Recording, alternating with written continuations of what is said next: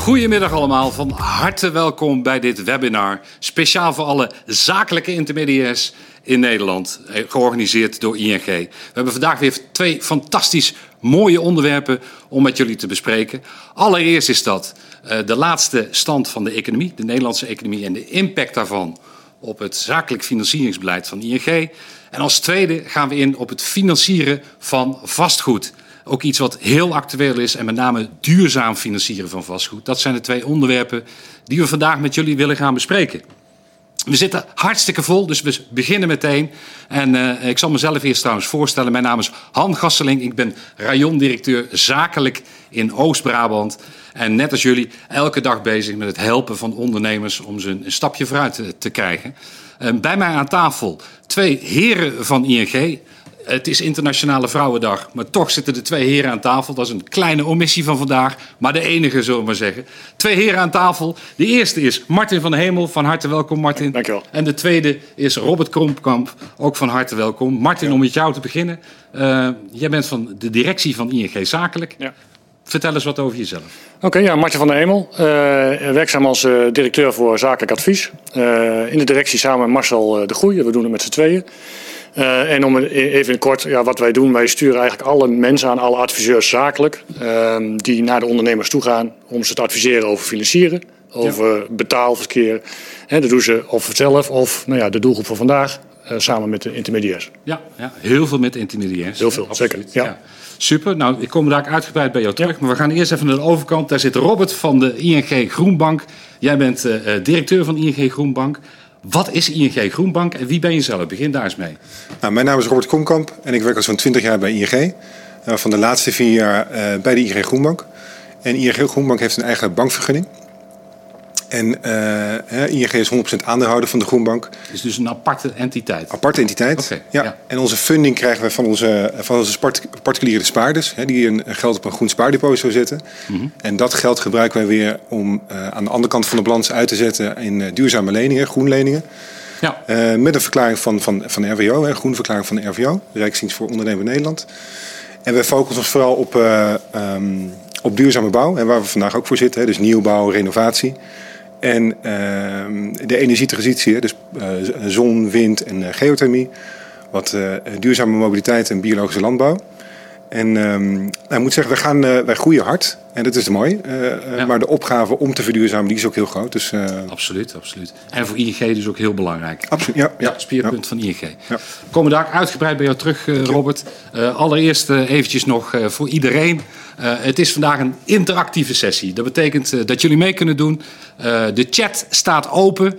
als je een vraag hebt, tik hem gewoon eventjes in. En aan de andere kant zitten Rico Hunt, Gertjan Versteeg en Jeroen Tonen klaar om jullie vragen, daar zijn ze in beeld, om jullie vragen direct te beantwoorden. Dus stel je vraag. we hebben trouwens ook al heel veel vragen ontvangen vooraf. Die kon je bij je aanmelding meteen uh, insturen. Die hebben we zoveel mogelijk verwerkt in, uh, in het verhaal van vandaag. Dus wat dat betreft komen zoveel mogelijk van de vragen aan de orde. Daarnaast is het zo dat we ook gebruik maken van een pollfunctie. En om daar maar meteen mee te starten hebben we de eerste poll. En dat is eigenlijk een opwarmetje. Als jullie straks weer op een kantoor zitten, want heel veel van jullie zitten thuis, net als wij natuurlijk.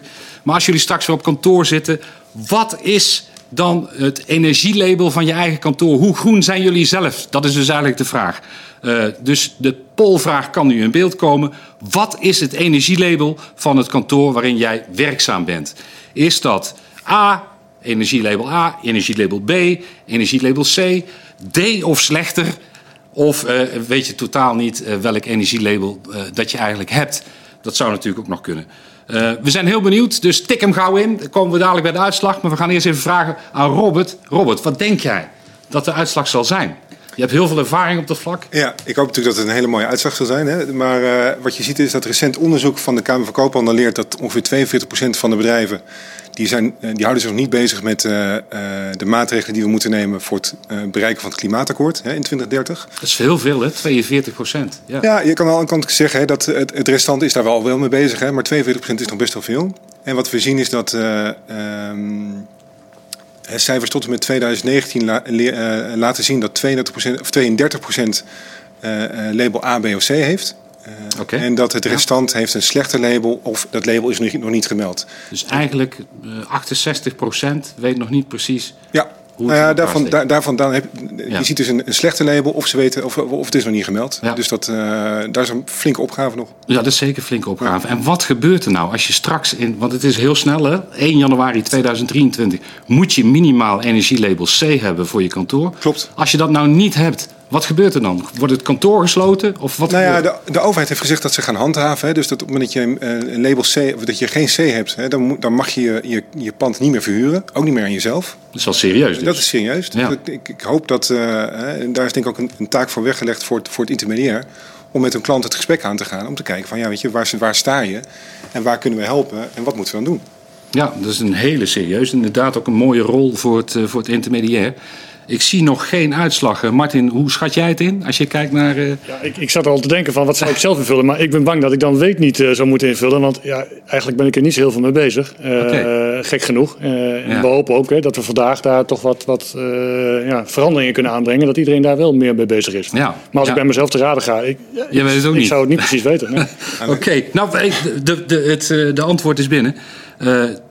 42, of 20% eh, van de, van de respondenten zegt energielabel A, 20% zegt A, uh, 14% zegt energielabel B, 18% C, 12% zegt D of slechter en 35% zegt ik weet het niet. Ja, toch veel. Dus die, maar ik moet zeggen, al met al C of uh, beter is toch 32, 52%.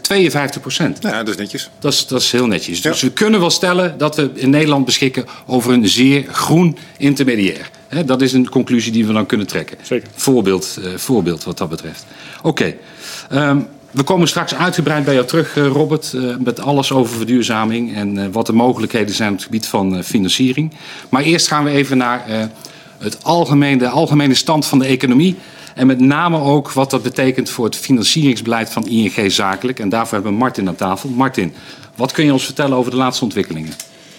Ja, het, kijk, het beeld is, en dat krijgen we allemaal mee, is wel wat diffuus. Uh, we zijn erg afhankelijk van hoe gaat het virus zich ontwikkelen. Hmm. Uh, welke mutanten zijn er en, en, wat brengt dat weer met zich mee. Uh, natuurlijk het vaccinatieprogramma. Hoe snel uh, krijgen we dat in gang en, en, kan het nog sneller? Krijgen we voldoende? nou, dat soort dingen. En natuurlijk als laatste, ja, hoe gaat de overheid daarop reageren? Dus er zijn nog wel heel veel onzekerheden. Ehm, dat maakt het moeilijk om iets te roepen over ja, wat voorspellen we nou voor onze economie. En wat we wel uh, kunnen vertellen, en je ziet het op het, uh, het, overzichtje, is dat je ziet dat we, uh, en de rode lijn is de totale omzet zeg maar, die gegenereerd wordt. Ja. Ehm, dat je ziet dat aan de ene kant heb je de, de online verkopen, de ideal betalingen.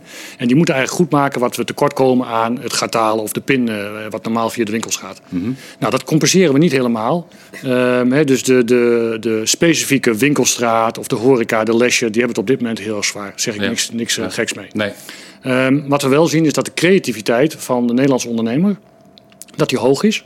Um, en dat we daardoor uh, snel in staat zijn geweest om ja, een nieuwe manier van distributie van een product of een service uh, toch tot stand te brengen. Ja. En daardoor zijn we minder kwetsbaar gebleken dan onze omringende landen. Dus dat hebben we heel goed gedaan. Zeg wel een compliment. Dus de Nederlandse de... ondernemer is creatiever geweest in deze crisis. Hebben we heel goed, ja, heel goed gedaan. Okay. Ja. Nou, dus, dus dat is echt heel goed. Um, het is nu wel even uh, afwachten van ja, hoe gaat het zich ontwikkelen en wat gaat er gebeuren met de steunpakketten. Want je ziet al die ontwikkelingen, dat roept steeds weer een, een actie-reactie bij de overheid op. Ja, ja. Ik denk dat ze het heel goed hebben gedaan tot op heden.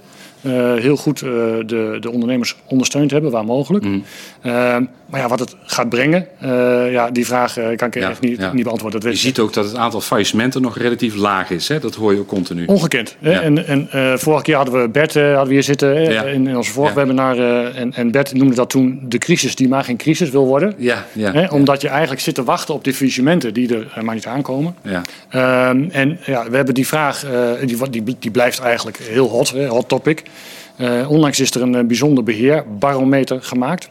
Uh, dat is een initiatief geweest van PwC en van de Universiteit in Leiden. Ja. En die hebben 120 uh, intensief bankiers en bijzonder beheerbankiers en aan advocaten en aan intermediairs gevraagd van jongens, wat, hoe kijken jullie naar die markt en wanneer verwacht je nou dat die faillissementen er wel gaan komen? Ja. En wat, wat is volgens jullie de reden dat dat wel gaat gebeuren? Nou, je ziet ze nu in, in beeld. Ehm, zij zeiden van ja, we verwachten eigenlijk dat met de huidige stand van zaken, dat het in Q3 dat het echt wel uh, de faillissementen eraan zitten te komen. Ja. Waarbij we dan zeggen, uh, van ja, wat is dan de grootste oorzaak? En die zie je hier bovenaan staan, het terugbetalen van belastingsschulden. Oké. Okay. Want weet dat in uh, januari was er voor meer dan 13 miljard door de Belastingdienst zeg maar, uitgestelde betalingen uh, bij de Nederlandse ondernemers. Dat is heel veel, hè? 13 miljard. Nou, dat is ongekend veel. En, en daarmee is de Belastingdienst ook gewoon direct een hele grote financier geworden van het Nederlands bedrijfsleven. Ja. Uh, en spelen zij ook een rol in van hoe gaat zich dat ontwikkelen. Dat is een hele belangrijke. Ja. Ja. Daarna de, de volgende twee. Het consumentengedrag is blijvend veranderd. En het uh, verdienmodel kan verouderd zijn. Eigenlijk gaat het een beetje bij elkaar uh, in, in elkaar Dat is wel een hele uh, belangrijke dus, hè? die twee. Die tweede en die derde. Want dat betekent dat je je moet veranderen. Ja, en, en, het... en, en, heb je al veranderd is dan eigenlijk de vraag. Hè? Dus ja. wat we, als ING zijn we al best wel lang die gesprekken aan met onze klanten. Van jongens, hè, let op, wat gebeurt er om je heen? En niet ja. alleen maar naar je eigen handel kijken, maar ook wat gebeurt er om je heen. Um, en ik denk dat doordat we nu in zo'n zo'n zo'n zo'n snelkookpan hebben gezeten van corona... zie je dat heel veel mensen die in het verleden eigenlijk niet genegen waren om internet aankopen te doen of die dat niet leuk vonden. Of die, die zijn dat allemaal wel gaan doen, gewoon gedwongen. Ja. En hebben zich nu ook wel gerealiseerd dat er ook wel voordelen aan zitten. Ja. Uh, en uh, een aantal ondernemers hebben nog kunnen schakelen in de afgelopen jaar. Die zijn omgegaan. Dat zie je uh, aan dat staartje wat je straks zag ja. met die betalingen. Dat het ideal, dat schiet omhoog.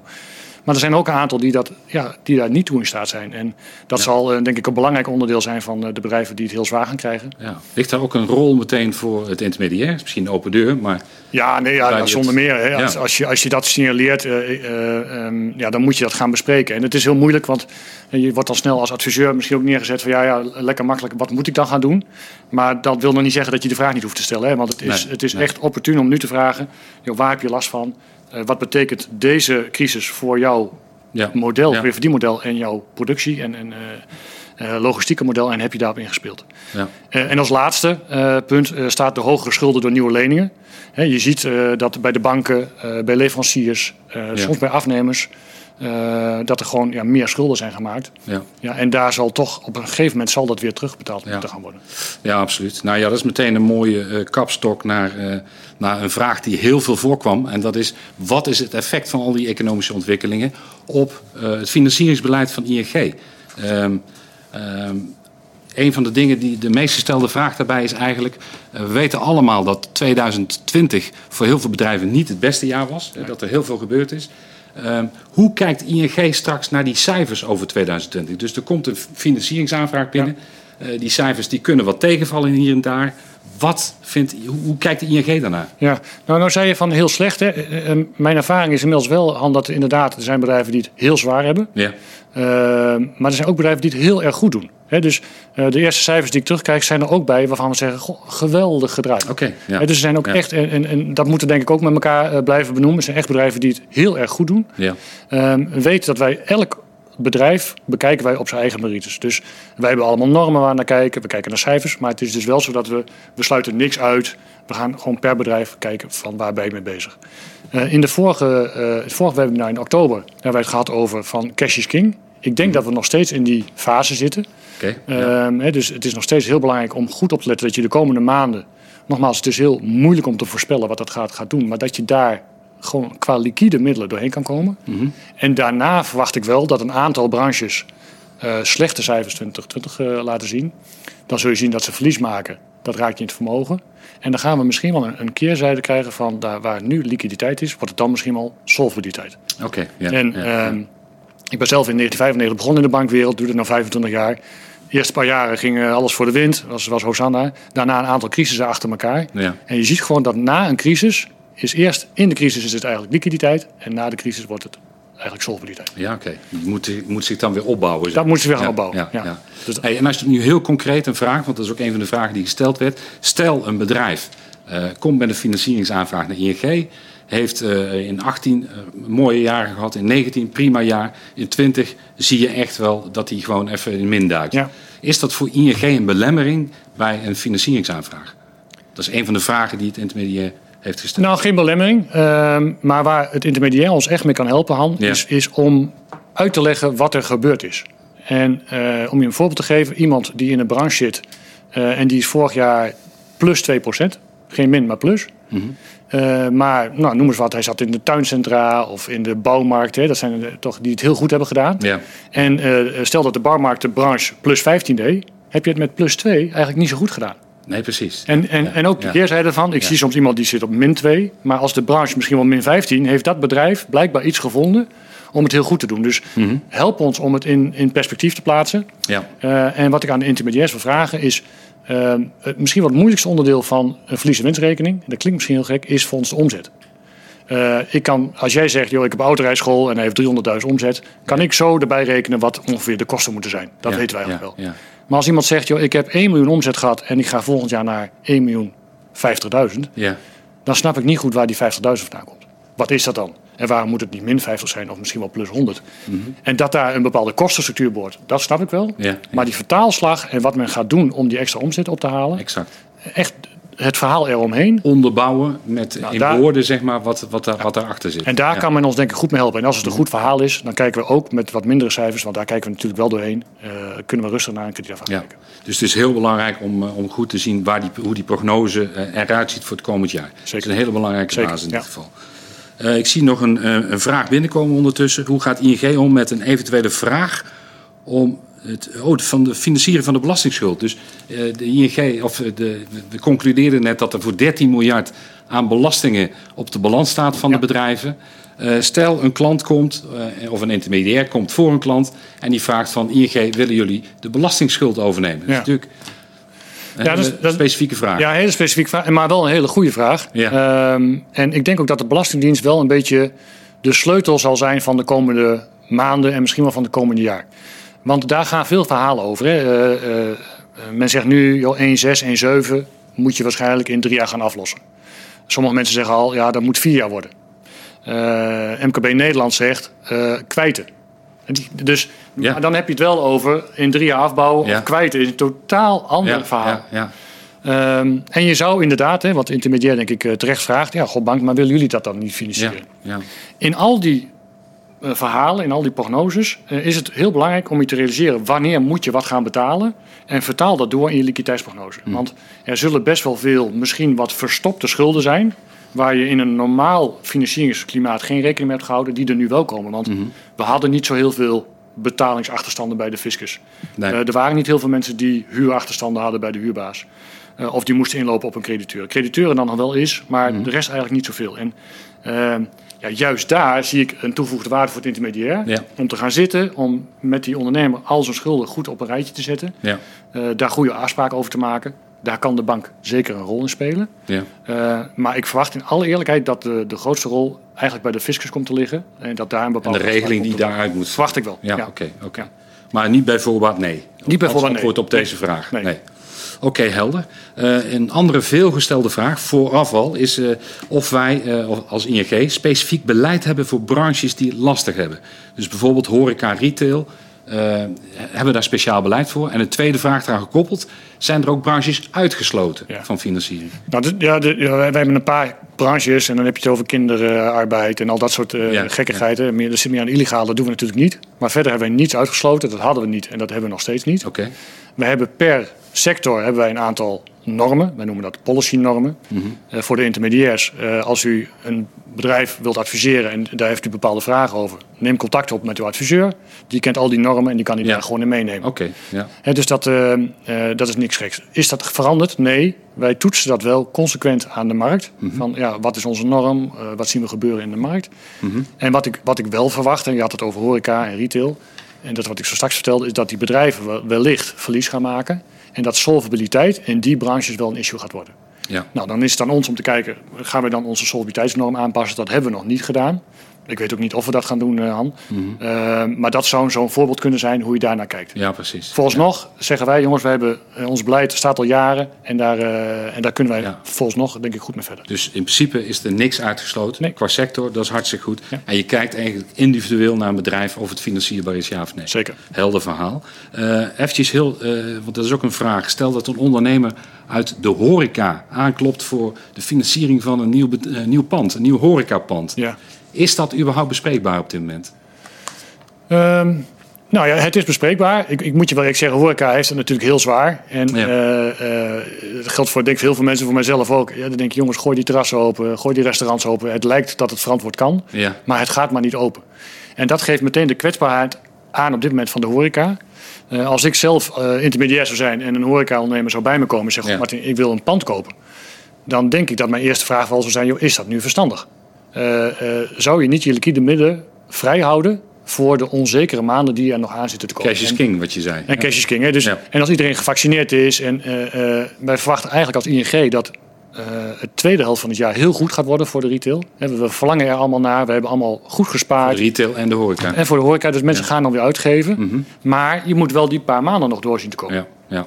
Dus joh, is er niet een andere optie? Hè? Zou je als intermediair niet kunnen, tegen je klant kunnen zeggen... Joh, huur het voor een jaar met de optie tot koop. Dan ja. heb ik in ieder geval die cash heb ik achter de hand. Ik weet wel waarvoor ik het over een jaar kan kopen. Uh, maar zit je niet zo vast aan iets waar je eigenlijk niet je geld mee moet verdienen... Uh, namelijk okay. pad. Nee, dat snap ik. Maar stel, hij heeft goed gedraaid. Uh, ook in het afgelopen jaar nog redelijk in verhouding. Hè? En uh, de jaren daarvoor ook. En hij ja. heeft voldoende eigen middelen. Stel dat je 50 of 60 procent van het pand zou moeten financieren. Ja. Is het dan bij voorbaat al nee? Nee hoor, nee, sterker nog. Ik heb voor mij twee weken geleden nog een heel mooi restaurant hebben we gefinancierd. En er was iemand die, okay. die is er echt goed in geslaagd om in die lockdownperiode te zorgen met een soort drive-thru en een soort bezorgservice. Ja. Dat hij eigenlijk zijn omzet op peil haalt. Nou, dat, dat is echt wel dat wij zeggen, kijk, dat zijn ondernemers die zo snel reageren en acteren op alle uh, ellende eigenlijk om zich heen. En die zijn toch in staat om geld te verdienen.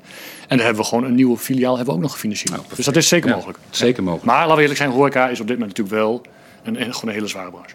Daar moeten we ook niet van Absoluut, ja. Een andere veel voorkomende vraag uh, die gesteld is, dat heeft te maken met de opstart van de economie. Martin had het net over, uh, in, uh, in de tweede helft van het jaar zal de economie echt weer een, een boost gaan krijgen. En dat betekent natuurlijk ook dat er, dat er weer extra werkkapitaal nodig is. Ja. Mensen moeten weer voorraden gaan aanleggen. verhuurders die huur hebben opgeschort, die gaan weer huur vragen. Ja. En misschien ook moet je nog een deel terugbetalen van alle schulden die er zijn. Kortom, er gebeurt nogal wat. Is ING klaar om uh, eventuele financieringsaanvragen daarvan te behandelen? Ja, nee, zeker. Die opstart weer uh, te faciliteren. Ja, nee, zeker. Maar, maar kijk, het verhaal, dat is het verhaal eigenlijk over de belastingnet. Van ja, ja. wanneer moet je wat gaan betalen? Uh, dat moet goed in kaart zijn. Dus als je zo'n vraag krijgt, en, ja. en uh, we zien nu ook al mensen die heel hard groeien. Ja. Hè, nogmaals, die hebben ergens, die zitten of in een goede branche, of die hebben iets bedacht waardoor ze heel snel weer kunnen opschalen. Uh, het voordeel van als je nu al goed draait, is dat je nog steeds de mensen in huis hebt. Je hebt geen afscheid hoeven nemen van die mensen. Dus je kunt, als het weer aantrekt, kun je daar, die mensen weer heel snel uh, productief aan het werk zetten. Mm -hmm. Dus die profiteren daar snel van. Uh, kijk, we moeten ons wel realiseren in Nederland dat eigenlijk alles met elkaar samenhangt. Want soms zit ik bij iemand die een pand verhuurt. En dan zeg ik tegen hem, ja, joh, je moet wel zorgen dat je huurpenningen binnenkrijgt. Maar uh, de dag daarna zit je met de huurder aan tafel. En dan zeggen we, ja, joh, kun je iets met je huurbaas regelen? Want uh, ja, ja. je moet zorgen dat je cash hebt. Uh, en uiteindelijk moeten we allemaal van dat ene bedrijf moeten we allemaal gaan leven. Dus die uh, met zijn inkomsten moet hij huur gaan betalen. Met de huur kan de huurbaas zijn leningen betalen. En alles gaat natuurlijk wel vanuit het MKB. Dus uh, laten we er met z'n allen voor zorgen dat we het MKB zo sterk mogelijk terugkrijgen. Ja. Uh, en zo sterk mogelijk aan de gang krijgen. Zij zijn echt de banenmotor van, van Nederland. en waar mogelijk zullen wij zeker meedenken in die groei. Ja. Maar aan intermediairs dan echt de vraag, jongens, help ons met een goede liquiditeitsprognose. Weer de oproep voor de liquiditeitsprognose. Want, want, want als we, ja, hè, ja. Een, een, een blanco cheque is er niet, die tijd is lang geleden. Ja, uh, dus als iemand zegt, ik heb dat nodig, leg goed uit wat er nodig is en waarom. Uh, en die liquiditeitsprognose moet dat dan ook aantonen. Oké, okay, helder verhaal. Um, dan een vraag die is binnengekomen. Dat gaat over uh, klanten of bedrijven die op dit moment nog geen klant zijn bij ING. Mm -hmm. Uh, in het begin van de coronacrisis toen waren de deuren redelijk dicht. En uh, kon je als, uh, als voor ING Prospect nauwelijks binnenkomen. in oktober hebben we aangegeven dat de deuren weer langzaam een beetje open gingen. Ja. Hoe is het op dit moment? Zijn nieuwe klanten welkom bij ING? Ja, nee, de, de, de, de deuren staan wagenwijd open. Uh, Gelukkig weer. Hè. Uh, ik ben van de sales, dus uh, ja. ja. wij willen niks liever als klanten natuurlijk helpen bij een ondernemers of bij het ondernemen. Ja. Ehm, dus nee, we doen weer heel veel. We zijn heel goed gestart ook. 2021 zijn we heel blij mee. wat ons opvalt, heel veel via intermediairs. Dus daar hebben we goede contacten en, en we komen via hun heel veel in aanraking met, met ja, ondernemers die plannen hebben om te investeren. Uh, investeren in panden, uh, machines, vervoersmiddelen. Uh, wij financieren groei, waar we het net over hadden. En we financieren natuurlijk verkoop en koop van, van bedrijven. Ja, ja. Dat zijn wel de hoofdmoten. Ja, ja. ja, ja, maar van harte welkom is het. Ja, absoluut van harte welkom. Oké. ja. Nou. Hartstikke goed om te weten. Hey, het is tijd om, uh, om weer even een poll te gaan doen. Uh, eens even kijken. De tweede pollvraag van vandaag is uh, de vraag of we zijn benieuwd naar de vraagstukken van jullie klanten, dus de klanten van de intermediairs. spreken jullie nou, nu met name klanten die extra liquiditeit nodig hebben als gevolg van de coronamaatregelen? Of spreken jullie met name klanten die willen investeren? Dus we zijn heel benieuwd. Graag jullie antwoord als je hem zou willen, willen intikken, heel graag. Uh, dan vraag ik ondertussen aan Martin wat onze ervaringen zijn uh, als antwoord op deze vraag. Ja, nou, ja, we zien een hele, hele grote tweedeling. Uh, we, zien, okay. we zien mensen die, die het gewoon moeilijk hebben en die echt bezig zijn om te overleven. Ja. Ik heb daar veel respect voor, want, want sommige ondernemers krijgen echt tik op tik. Het zal je maar gezegd worden dat je bedrijf even dicht moet doen. Ja, dat is gigantisch. en dan zonder perspectief, dus dat is heel zwaar. Uh, maar aan de andere kant zien we, en dat is gek, zien we ook mensen die vol aan het investeren zijn. Uh, veel gaat dan over nieuwbouw uh, of verbouw of verduurzaming. en dat, dat getuigt ook wel weer van ondernemerschap. Ja. je ziet het veel in de hotelwereld bijvoorbeeld. Dat mensen zeggen, ja, als ik dan toch niemand kan ontvangen... dan is dit het moment om ja. het dak te vervangen. Of ja, om te, te, schilderen of de verduurzaming. En, dus ja, er gebeurt heel veel, maar wel op hele diverse onderdelen binnen de economie. Ja. En nogmaals, ING staat daar dan op dat moment voor open. Zeker, ja. Oké, hartstikke goed. Um, ik zie nog geen antwoord op de poll binnenkomen. Dus ik vraag aan Robert, hoe uh, kijk jij naar deze, naar deze vraag? Heb je daar een uh, beeld bij? Als je, als je kijkt in jouw praktijk, zie je nog steeds heel veel uh, ondernemers die willen investeren? Ja, toch wel. Weet je, ondanks dat, dat het vorig jaar natuurlijk een, een, een heel lastig jaar is geweest en het nog steeds is zien wij dat wij eh, in de duurzame investeringshoek eh, dat we nog best wel hard groeien. Um, en dat zie je vooral bij, bijvoorbeeld bij familiebedrijven of bedrijven die echt een, een, een view op de toekomst hebben. Dat die uh, hun bedrijven klaarmaken voor, uh, voor de toekomst. En dat doen ze ja, op een duurzame ja. manier. Ja, perfect. Hartstikke goed. Nou, inmiddels is de, de poll, de antwoorden zijn binnen. Even kijken. Um, extra bedrijven die extra liquiditeit nodig hebben. Dat is 12% van, de, van de, de antwoorden. 50% is bezig met, uh, met investeren. Dus dat is ruimschoots. Uh, en beide zegt 36%. Dus uh, als je kijkt naar waar komen de financieringsaanvragen vandaan dan is uh, in 86% van de gevallen is er sprake van investeren in groei of in uh, bedrijfsmiddelen of wat dan ook. Dus dat is hartstikke positief. En 12% is nog echt bezig met coronamaatregelen ja, ja. overleven. Nou, dat is herkenbaar hoor. Ja, ja okay. zeker. Nou, hartstikke positief. Um, dus eigenlijk, en eigenlijk ook wel misschien wel iets beter dan we vaak verwachten. Hè? Ja. Ja, dat zien we ook. Hè? Wij, wij hebben heel veel contact met onze klanten op dit moment. We bellen heel veel klanten op van hoe gaat het. En, uh, en soms kunnen we helpen, soms niet. Hè? Maar gewoon al het luisterend oor is al, uh, wordt al zeer gewaardeerd. Ja. En het valt onszelf ook op dat als wij, want die vraag stellen we eigenlijk bij elke klant dan: van uh, verwacht u de komende vier weken last, binnen een maand, binnen een paar maanden. En er zijn relatief weinig mensen die ons dan teruggeven dat ze zich hele grote zorgen maken. Dus nogmaals, er zijn een paar branches waar het zeker speelt. Ja. Uh, maar je ziet het eigenlijk heel goed in deze uh, percentages. Ja. Uh, dat er ook heel veel zijn die, die echt wel weer de blik vooruit hebben. Ja, exact. en dat is hartstikke positief. Ja, ja, zeker. Super. Hey, we gaan een bruggetje maken naar financieren van vastgoed. Van, en dan met name het bedrijfspand, hè, om daar eens naar te kijken. Een van de meest voorkomende financieringsverzoeken komen voort uit, uh, uit de aankoop van bedrijfspanden en verduurzamen van bedrijfspanden. Ook. Herken jij dat ook? Ja, zeker. Ja, ja. De meeste gaan echt al over het, het kopen of uh, iemand die een huurpand wil kopen, iemand die gaat nieuw bouwen, gaat verduurzamen. Dus vaak is het uh, goed gerelateerd. Ja. Hoe kijkt ING naar de financiering van een bedrijfspand? Ja, eigenlijk hebben we twee soorten onroerend goed. Ja. We hebben zakelijk onroerend goed voor eigen gebruik. Ja. En we hebben verhuurd onroerend goed. En verhuurd, verhuurd onroerend goed is echt wel een ander uh, soort financiering. Dat gaat, wij hebben daar een apart loket voor. Dat heet uh, ING uh, Real Estate Finance, ja. REF in de volksmond. Mm -hmm. De meeste intermediairs dat wel kennen. Uh, die echt gespecialiseerd zijn op dat onderdeel. Gaat eigenlijk het vandaag niet dus het CVOG. Het, het CVOG-deel. Ja. En wij richten ons hier echt even op het eigen gebruik. Nou, wat verstaan we daar dan onder? Dat wil zeggen dat iemand zijn eigen pand voor meer dan 50% voor zijn eigen zakelijk gebruik gebruikt. Dat is voor ons zakengebruik. Nou, daar financieren we meestal zo'n 70 tot 75 procent van de marktwaarde. Als iemand daar een aanvraag over doet. Ja, ja. Soms zie je dat men zegt van, uh, ja, maar kan ik dan niet iets meer doen? Ja. die vraag krijgen we vaak ook van intermediairs. En wat is dat dan? Uh, en die 70 75 procent is een norm, uh, Han, om mee, om mee te starten. Dat is een basis. We, ja. ja. we vinden het gezond dat iemand ook een eigen deel inbrengt. Mm -hmm. En je moet je realiseren dat de, de, de, top van de financiering is het meest risicovol. Ja. dus nou, als de ondernemer die voor zijn rekening neemt, dan zijn we daar heel blij mee. Dus je zou ook, want dat zeg je impliciet, je zou uh, ook hoger kunnen financieren naar 80 of 90 procent. Dat kan wel, hè, want, ja. want uh, ik kan me voorstellen als iemand heel hard gegroeid is, uh, dan kun je dat financieren bij een bank. Maar er zijn ook heel veel bedrijven die dat dan zelf financieren. -hmm. Dus als jij drie hele goede jaar hebt gehad, je voegt steeds netjes wat aan je vermogen toe, maar dat geld dat gebruik je om te groeien. Dus je neemt mm -hmm. geen financiering ervoor. Um, en je kunt dan in één keer zeggen de huurbaas: Goh, uh, Han, wil je je pand niet kopen? Ja, ja, ja. Zeg ja, dat wil ik eigenlijk wel. Maar al mijn centjes die ik had kunnen sparen, heb ik weer in de debiteur en voorraden gestopt. Uh, en dan heb ik eigenlijk geen eigen inbreng. Dat is ook wel lastig. Ja, precies. Nou, dat kunnen we oplossen door een borstenskrediet te verstrekken. Uh, we kunnen versneld de top van de financieringen terughalen. Ja, ja. Um, en als er sprake is dat iemand dat zelf gedaan heeft. Als het, als het anders is, als iemand niks heeft gespaard en niks aan groei heeft gedaan en die zegt, joh, wil je dan 100%? Dan vinden we dat wel vrij veel. Ja. Uh, en dan, dan krijg je echt wel een wat zwaardere aanvraagtraject. Ja. Uh, maar nogmaals, iemand die heel hard gegroeid is en die zegt, ja, als ik dat had gefinancierd, had ik gewoon liquide middelen, was er niks aan de hand. Ja. ja dan begrijp ik die uitleg wel. Ja, precies. He, dus dat is weer iets wat je dan mee moet nemen, ook als intermediair zijn, in je verhaal. Van waarom vind je dat in dit geval dat je boven die norm uit kan gaan. Ja, dan maar is ook een kwestie elkaar... van toelichten en uitleggen. Het is dus mogelijk om hoger dan, die, dan het uitgangspunt van 70 tot 75 procent te gaan. Ja. Maar als je het maar goed uitlegt en toelicht. Zo ja. is het.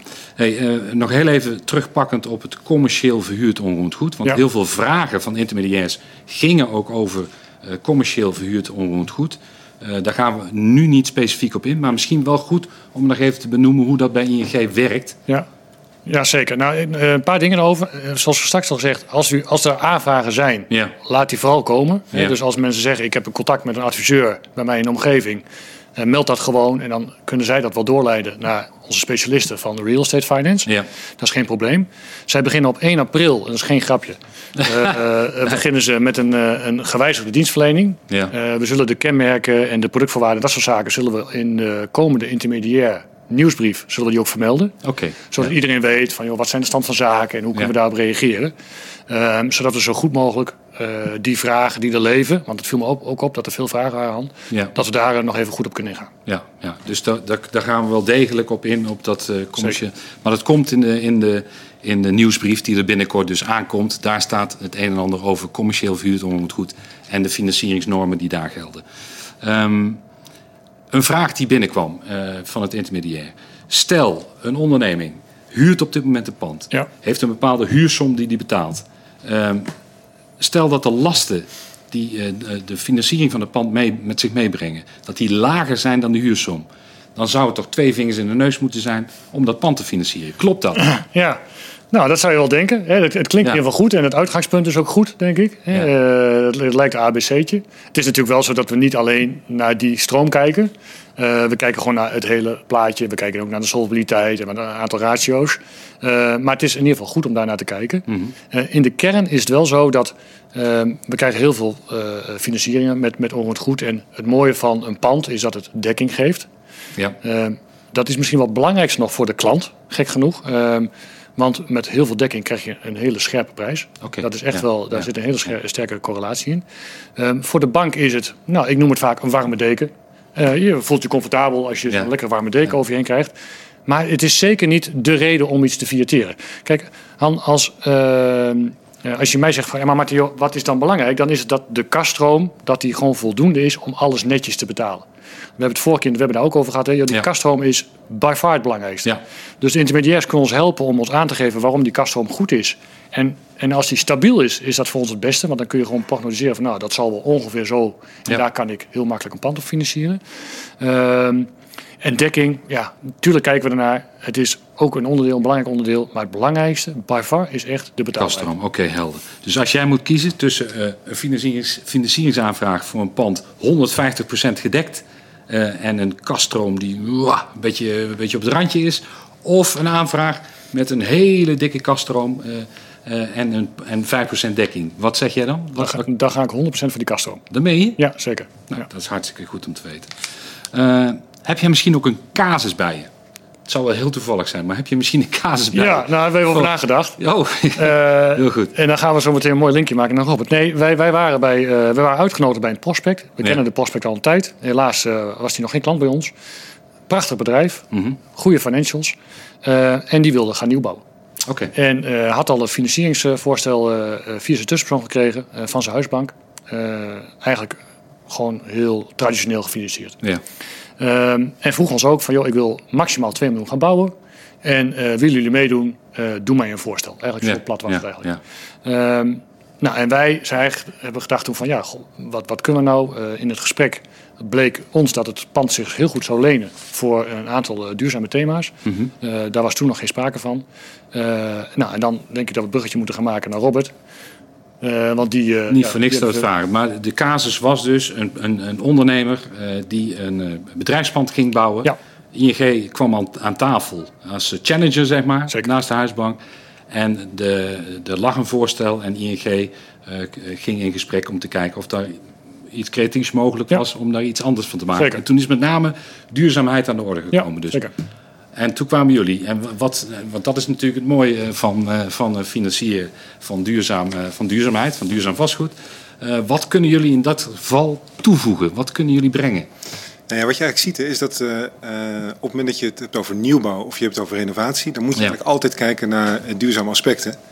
Ehm, omdat dat, dat, dat, dat levert het gewoon, eh, uiteindelijk levert dat het zichzelf op. Eh, en dat heb je hier ook gezien. Hè? Dus de, de ondernemer wilde gewoon niet, had, had helemaal niet eh, nagedacht over duurzaamheid. en wilde niet meer uitgeven dan 2 miljoen. Toen zijn wij gaan Ja. kijken. Ja. En toen zijn we gaan rekenen. En ehm, toen kwamen we er op een gegeven moment kwamen we erop uit hè, dat je als je 275.000 euro extra zou investeren. Hè, dus we gingen boven de limiet van de, van de 2 miljoen. Ja. Dan heeft het gewoon een aantal voordelen. Hè, dus op het moment dat je, eh, dus hier zijn zonnepanelen opgekomen, of meer zonnepanelen, hier is een warmtepomp ingekomen, noem het allemaal op. Het is allemaal eh, duurzame aspecten. En, Ja. en wat krijg je dan? En dan kan je binnen de groenregelen kan je eigenlijk twee kanten kan je op. Hè. Of je financiert eh, eh, de duurzame assets, hè, dus bijvoorbeeld de, zonne, de, de, de, de zonnepanelen of de warmtepomp. Mhm. Of je kan kijken naar de eh, eh, bruto vlo- eh, vloeroppervlakte. Dan kan je zeggen Ja, van nou, ja. dit pand had bijvoorbeeld een, eh, eh, een kantoorfunctie en een industriefunctie. En vanuit de groenregeling kan je dan bepaalde bedragen eh, toerekenen aan die vierkante meters. Dus het, het, het kantoor had een eh, oppervlakte van, eh, van 1000 vierkante meter. Nou, dan kan je met 1000 euro per vierkante meter kan je een groenlening kan je, kan je aanvragen. En bij de industriefunctie zodat je, eh, mag je 400 euro per, per vierkante meter mag je, mag je toekennen. En dat heeft te maken met het verwarmen of het terugkoelen voor een bepaald aantal graden. In een kantoor is dat anders dan in een industriefunctie. Ja. En hier zagen we dat je uiteindelijk kwamen we uit op een groenlening van 1,6 miljoen. Eh, dus we hebben 1,6 miljoen hebben we aangeboden in groen met een rentekorting van, van 50 basispunten. Eh, Dat is substantieel. Hè? dat is substantieel, Ja. zeker in een Ja. markt waar, waar, nu, eh, waar de rentes toch al wel redelijk laag zijn. Ja. Is, dat dan, is, dat een, is dat een mooie toevoeging. De restant ging gewoon regulier. En, maar het is niet zozeer de, de, de groenlening die ervoor zorgt dat, je, dat het voordeel naar, naar, de, naar de klant toe gaat. Maar het is juist, hè, als je bijvoorbeeld kijkt naar de, de besparing op de energiekosten, hè, die is substantieel, hè, 32.500 euro. Ehm, de groenlening, hè, de rente, dat, dat viel mee met 6.000 euro. Er zat nog een subsidie op hè, van, een, van een warmtepomp voor, voor 35.000 euro. Ja, al met al kom je dan, hè, als je dan naar de volgende slide gaat, ehm, dan zie je dat de werkelijke lasten bij een reguliere bouw, die kwamen uit op 131.000 euro hè, per jaar. En bij eh, eh, energie-neutrale bouw hè, Ja. kwam je op 108.000 euro. Ja, dat is Dus een heel groot een heel groot verschil. Is dat. Ja, ja. En ehm, Ja, weet je, en dat is dan. Terugverdientijd is dan relatief kort. Hè? Nou ja, terugverdientijd van iets meer dan zes jaar. Ja. Hè, dus zit zo'n ondernemer ook wel aan het denken van, oké, weet je, dus ik had niks met duurzaamheid, maar hè, nu is de, is de wortel die me wordt voorgehouden, die is ook best Ja, wel eh, ja. substantieel. Ja. Dus die heeft die stap gezet. En hoe, hoe gaat dat in zijn werk, Robert? Want eh, oké, de adviseur van ING signaleert wellicht is het interessant om iets met groen te gaan doen. Die belt ons. Eh, die belt jullie. Ja. En eh, komen jullie dan dan- met, met allerlei bouwdingen aan, eh, bouwtekeningen? Nee, Of, nee, want kijk, uiteindelijk mo- moet die bouwtekening toch gemaakt worden, want het is Ja. nieuwbouw. Eh, hè, maar, en Wat doen jullie dan? Wat, wat wij, wat wij vaak doen, hè, we adviseren altijd een ondernemer om eh, een subsidieadviseur in de arm te nemen. Ja. Die werken vaak op basis van no cure, no pay. Eh, en wat je ziet, hè, er zijn natuurlijk wat landelijke subsidies, maar er zijn ook heel veel regionale subsidies die wij allemaal niet kennen. Mhm. Dus dat moet je bij de specialist moet je dat laten. Eh, hè, dat zag je dus ook met die, met die warmtepomp, is met die subsidie van 35.000 Ja, euro. Vaak zie je dat er nog wel lokaal nog wat potjes zijn die gebruikt worden om eh, de verduurzaming te, eh, op, op, op gang te brengen. ja, precies. Ja, en dan, dan eh, gaan wij op een gegeven moment gaan wij schakelen met die subsidieadviseur. En dat doen jullie wel rechtstreeks. Dus Dat doen jullie rechtstreeks. helpen echt per klant Ja, ja, mee ja, om het beste eruit te krijgen. Nou, je, moet, je moet ervoor zorgen dat je het makkelijk maakt. Ja. Hè, dus die ondernemer die moet bezig zijn met zich bouwen. En eigenlijk moet, moet hij gewoon bezig zijn met zijn, met zijn business.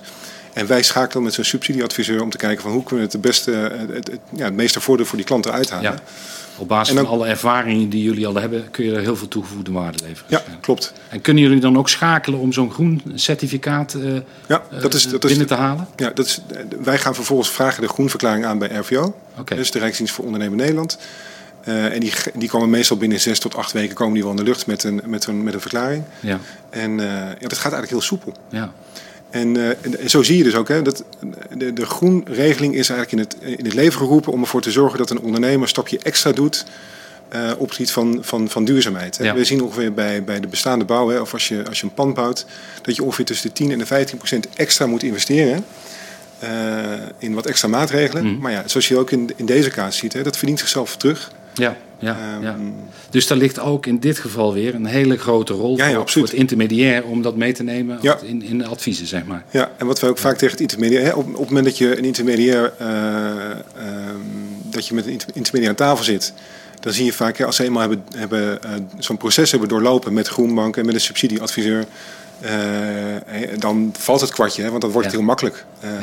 En dan komt de volgende komt ook wel. Ja, Maar dit is inderdaad voor het, voor het intermediair is dit een hele mooie... eh, super. Ja. Nou, we zijn natuurlijk heel benieuwd, want dat is meteen de volgende polvraag. Ehm, of jullie ondernemers al helpen met het verduurzamen van zijn of haar onderneming. De vraag is dus die. En eh, eh, we- er, zijn, eh, er zijn drie antwoorden mogelijk. Help jij ondernemers met het verduurzamen van zijn haar onderneming? Eh, of vaak, of af en toe, of nog niet. Dat zijn de drie antwoorden. En we zijn heel benieuwd eh, hoe jullie op dit moment op dat gebied eh, eh, varen. Wat denk je zelf, Robert? Wordt er al veel door intermediairs mee, eh, mee geholpen op dit vlak? Nou, wat wij doen op dit moment, wij, wij geven heel veel vanuit, vanuit Groenbank heel veel presentaties Ja. aan het intermediair. Ja, Vroeger was het heel leuk op locatie. Tegenwoordig moet dat, moet dat online hè, via, via Teams. Mhm, Eh, is overigens wel heel efficiënt, hè, want dan kan je er meerdere op een dag doen. Ja, dus het gaat best hard. Ehm, dus je treedt regelmatig op op dit moment. eh, Zeker, ja. Ja. En eh, eh, twee jaar geleden was dit echt nog niet bekend. Mhm. En tegenwoordig zie je gelukkig dat het onderwerp duurzaamheid veel vaker op de agenda staat. Maar nu niet altijd. En ik denk dat het echt van belang is dat ook het intermediair eigenlijk gewoon standaard... en dat is ook voor, voor Ja. ons als bank, als bankiers... moet dit onderwerp gewoon standaard in je gespreksverslag eh, Ja. staan. Van joh, waar heb je het over gehad en eh, eh, wat zijn de kansen? Ja. Ik vind dat je het ook moet adresseren richting je, richting je klant. Ja, hartstikke goed. Ja. En je ziet ook kansen op het gebied, want we hebben het heel veel over onroerend goed. Zijn er op andere vlakken ook nog mogelijkheden waar je zoiets mee zou kunnen als intermediair om daarop te adviseren? Nou ja, zeker wel. Want je kan ook zien, het is, vastgoed is, is, dat is het makkelijkste, hè, want het is heel Ja. tastbaar. Ja. Maar je kan natuurlijk ook kijken naar een productieproces. Ehm, Of hè, de renovatie heeft natuurlijk wel wat met, met, met, met, eh, met vastgoed te maken, maar ook de duurzame mobiliteit. Hè. Daar zijn ook allerlei eh, subsidies, maar ook allerlei eh, groenregelingen op, op van toepassing Ja, die een ondernemer kan helpen. ja, En het is wel mooi om te zien, hè, als je kijkt naar ehm, eh, de, de klanten van de ondernemers, gaan hier ook steeds meer om vragen. Hè, dus op het moment dat jij als consument iets wil afnemen, een product of een dienst, dan zie je dat tegenwoordig dat steeds meer duurzaamheid een, een belangrijk item is. Ja, precies. Ja. hè, dus je moet jezelf ook als ondernemer moet je jezelf afvragen, joh, hoe sta ik ervoor over tien jaar? Je moet dat lange termijn denken. je kunt er met andere woorden niet meer onderuit. Dit is nee, gewoon een... nee. de uitslag is, uitslag is binnen. We kijken eventjes wat de, de antwoorden zijn. 6% van de intermediairs uh, adviseert en helpt ondernemers regelmatig of vaak met, met dit soort vraagstukken. 10% doet dat regelmatig, 45% af en toe en 39% nog niet. Als je dit ziet, Robert, wat denk je dan? Nou, dit waren ongeveer de cijfers die ik ook al verwacht had. Ik moet wel zeggen, 39 procent, uh, daar valt nog een wereld te winnen. Hè. Dus dat zou ook mijn oproep zijn uh, ja. op het einde van, van dit webinar. Ja. Je gaat dit gesprek aan. En op het moment dat je als ja. intermediair... Daar kun je ook bij helpen, hè? want dat is nou meteen wat, de vervolgvraag. Wat ik wilde, wat, dat wilde ik ook zeggen. Hè. Dus op het moment dat je daar niet comfortabel bij voelt om dat gesprek aan te gaan, weet je, bel ons gewoon. Hè. Wij doen dat soort dingen heel graag. Ja. Hè, wij gaan vaak samen met een, met een intermediair ook het gesprek aan met, met een klant. En dan zie je dat ook helemaal niet lastig is. Nee. Maar je moet het wel adresseren. Toegevoegde waarde biedt. En, uh, Hebben jullie genoeg mankracht? Want, uh, nou ja, nou, ja? We, we, hebben binnen Groenmark hebben natuurlijk een, een, team met, met, met specialisten. Ja. Maar wat je eigenlijk ziet is dat de, de mannen van, eh, van, van Martin en van Marcel... Ja. Uh, die in het land hè, bij, de, bij de ondernemers zitten, bij MKB Nederland... en ook binnen het grootzakelijk bedrijf. Mm -hmm. dat zijn de mensen die steeds meer deze gesprekken voeren. Ja, ja. ja. en dat is onze... Dat is onze dus eigenlijk elke adviseur binnen ING wordt hiervoor opgeleid. Om ja, hier... ja, klopt. Okay, ja. Dus dat nou, zijn er perfect. Hartstikke goed. Ja. Um, er is een, een, een, additionele vraag gekomen en dat gaat over uh, de ontwikkeling op het gebied van verduurzame vastgoed en dat energielabel waar we het straks over hadden. Ja, ja. Uh, betekent het ook dat de bank, dat ING-bank, dat soort investeringen aan bestaande panden, dus groen verduurzamingsinvesteringen, hm. dat die ook door ING makkelijk gefinancierd worden? Ja, zeker. Ja. ja? Ja, dus dat is, dat is een, ik denk de helft van ons werk. Dat, we, dat we kijken naar renovatie van panden. Ja, dus een, iemand heeft bijvoorbeeld een label C of een D-pand en die wil panelen op zijn dak leggen en zonnepanelen op zijn dak leggen. Dan zie je dat wij dat uh, voor 100% dat we dat financieren. En uh, okay. daar is heel veel vraag naar. Ja, ja. het lijkt wel een beetje het beleggen wat van, van, van, van, van 25 jaar geleden. Als je dat niet deed, dan was je, nou, dan was je gek. Hè? Is, tegenwoordig zie je dat iedereen is met zonnepanelen bezig ja, exact. Ehm, ja, ja. Dat gaat hard. Ja. Oké, dus en, en heb je toevallig ook een voorbeeld daarvan? Kun jij iets over vertellen? Ja.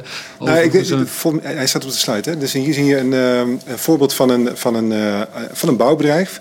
Ja. En die wilde uh, eigenlijk en die hadden drie kantoren en die waren al label C, hè, dus die, die voldeden al aan de wetgeving. Okay. Dat was zijn officieel niet nodig. Had, maar... Was hem niet nodig. Mm -hmm. en, uh, uh, maar die wilden een bepaalde uitstraling hebben. Dus die zien natuurlijk ook dat de markt, de vraag vanuit de markt ook is dat er, dat er veel meer verduurzaamd moet worden. En zeker in de bouw, bij zeker aanbestedingen, is het vaak ook een pre. Hè? Als Absoluut. Jij, ja.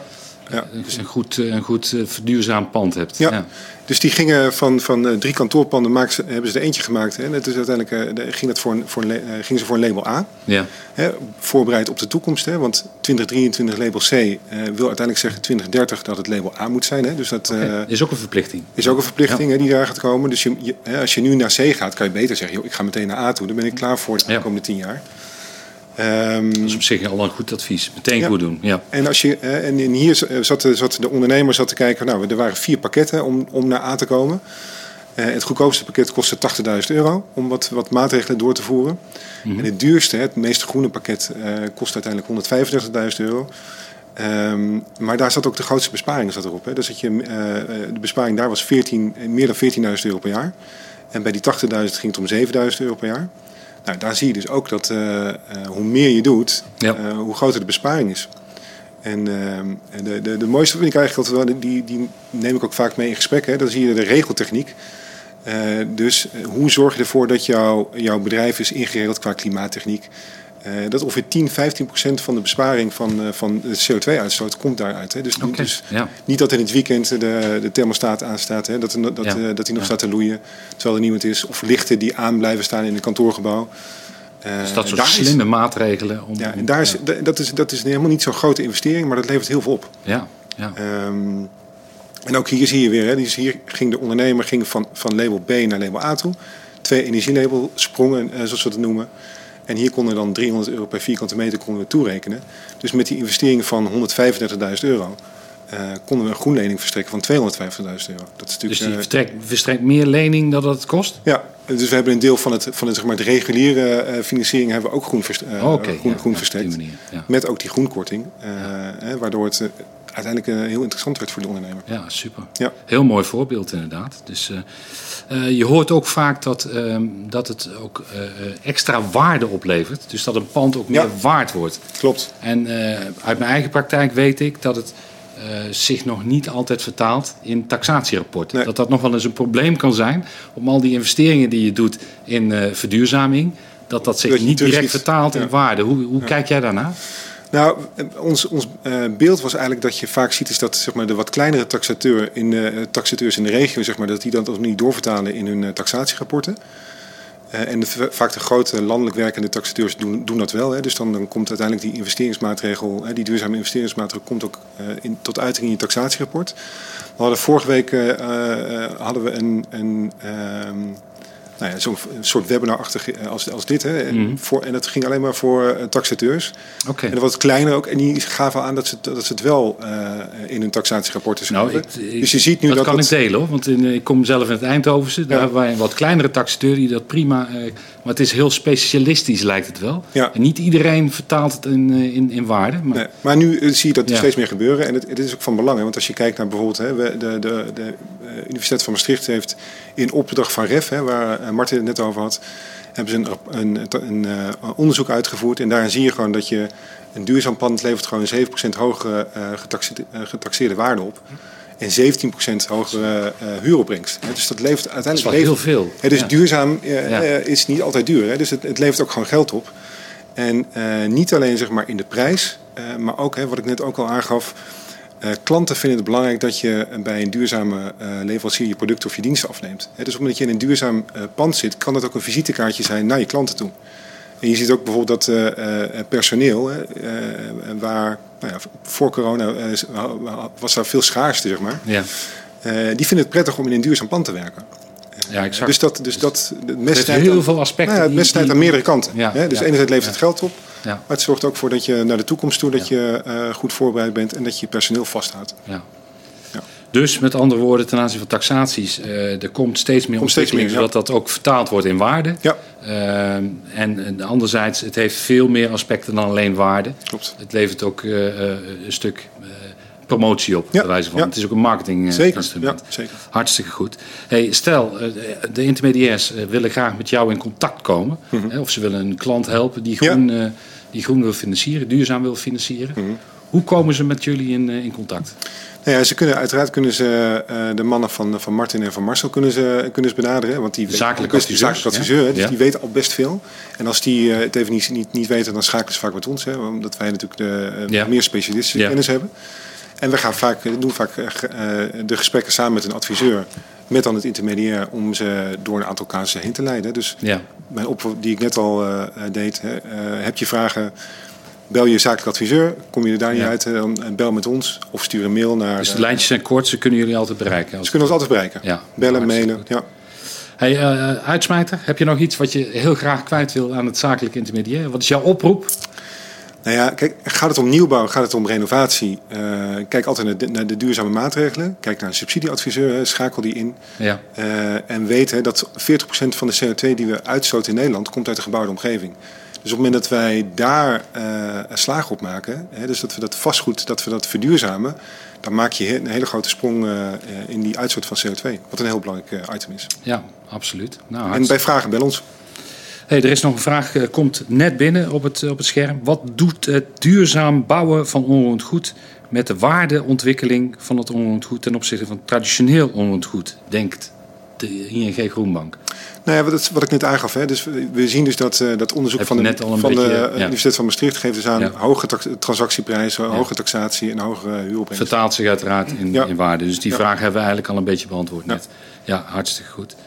Eh, mooie oproep, eh, Robert. Ik denk dat, eh, dat er een hele mooie uitdaging ligt voor het Zeker, intermediair. ja. Dus, langzamerhand, want het is inmiddels zeven minuten voor één op mijn horloge, acht minuten voor één. We, we gaan richting het einde van het webinar. En ik denk dat we nog even teruggaan naar Martin om te vragen of hij nog een, een mooie boodschap heeft voor het intermediair. Martin, heb, als afsluiter. Je nou bent, ja, als afsluiter, ja, ja. dankjewel. Uh, Slagroom op de taart. Slag, ja, dank je. Uh, nou, kijk, wat we hebben geprobeerd vandaag is, is om ook uh, in toegevoegde waarde te denken van het intermediair. En ja. ik kan niet genoeg benadrukken met, met elkaar. Hè, we hebben dezelfde doelstelling, namelijk die ondernemers zo goed mogelijk helpen te ondernemen. En uh, dat kan door het stukje wat we hebben gehad over financieren. Dat doen we traditioneel en dat doen we hartstikke graag. En dat willen we ook graag zo blijven doen. Ja. Voor de bank superbelangrijk. Gelukkig voor de ondernemers ook. Uh, maar we hebben ook geprobeerd met het verhaal van Robert. En ik vond het leuk, duurzaam hoeft niet duur te zijn. Uh, een voorbeeld om te laten zien dat dat niet alleen maar in de geitenwolle sokkenhoek zit. dat, er, dat er ook een, een hele goede verdiencapaciteit in zit. Ja. Maar ook voor het intermediair. Dat ze daarmee weer toegevoegde waarde bij hun klant en hopelijk ook snel onze klant kunnen laten zien. Uh, om, om goed advies te geven. En nou ja, dat is uh, wat we hier beogen vandaag. Ehm, ik wil ze bedanken voor alle mooie aanvragen die we al gehad hebben.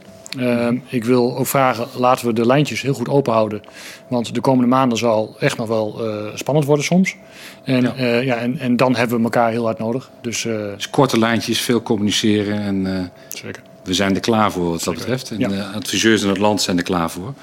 Uh, ondertussen uh, zit achter uh, Martin ook de sheet. Ik weet niet of de mensen thuis het ook kunnen zien. Daar staat nog even de sheet over meer informatie. En over hoe je ING het beste kunt bereiken. Je ziet het hier staan. De intermediair zakelijk desk is bereikbaar voor met name aanvragen tot 250.000 euro. De contactgegevens staan erbij.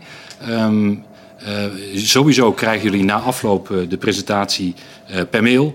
Dus dan kun je altijd nog even nakijken. En ook alle adviseurs zakelijk uh, staan klaar voor jullie om uh, te helpen bij financieringsaanvragen van, van alle ondernemers. En ook op de site van ING Zakelijk of ing.nl onder zakelijk kun je ook zien welke adviseurs dat zijn in de regio. Dus neem daar vooral contact mee op. Dus we gaan langzamerhand een eind aan dit webinar maken. Ik wil Robert bedanken. Martin bedanken. Hartstikke fijn dat jullie er waren. Uh, we hopen dat, uh, dat we iets uh, hebben kunnen toevoegen bij jullie. en dat jullie iets wijzer zijn geworden vanmiddag. Um, heb je vragen, wil je sparren? Neem contact op met, met ING. we horen heel graag wat jullie ervan vinden. Dus er komt een enquête jullie kant op. Het vriendelijke verzoek om dat in te vullen en terug te sturen. Zodat we kunnen leren van dit webinar. En het volgende keer nog beter kunnen doen. Nogmaals bedankt heren. En vooral jullie bedankt voor het kijken. En we hopen jullie heel graag de volgende keer weer terug te zien. Dit was het ING-webinar over financieren. Tot ziens, fijne dag. Tot de volgende keer.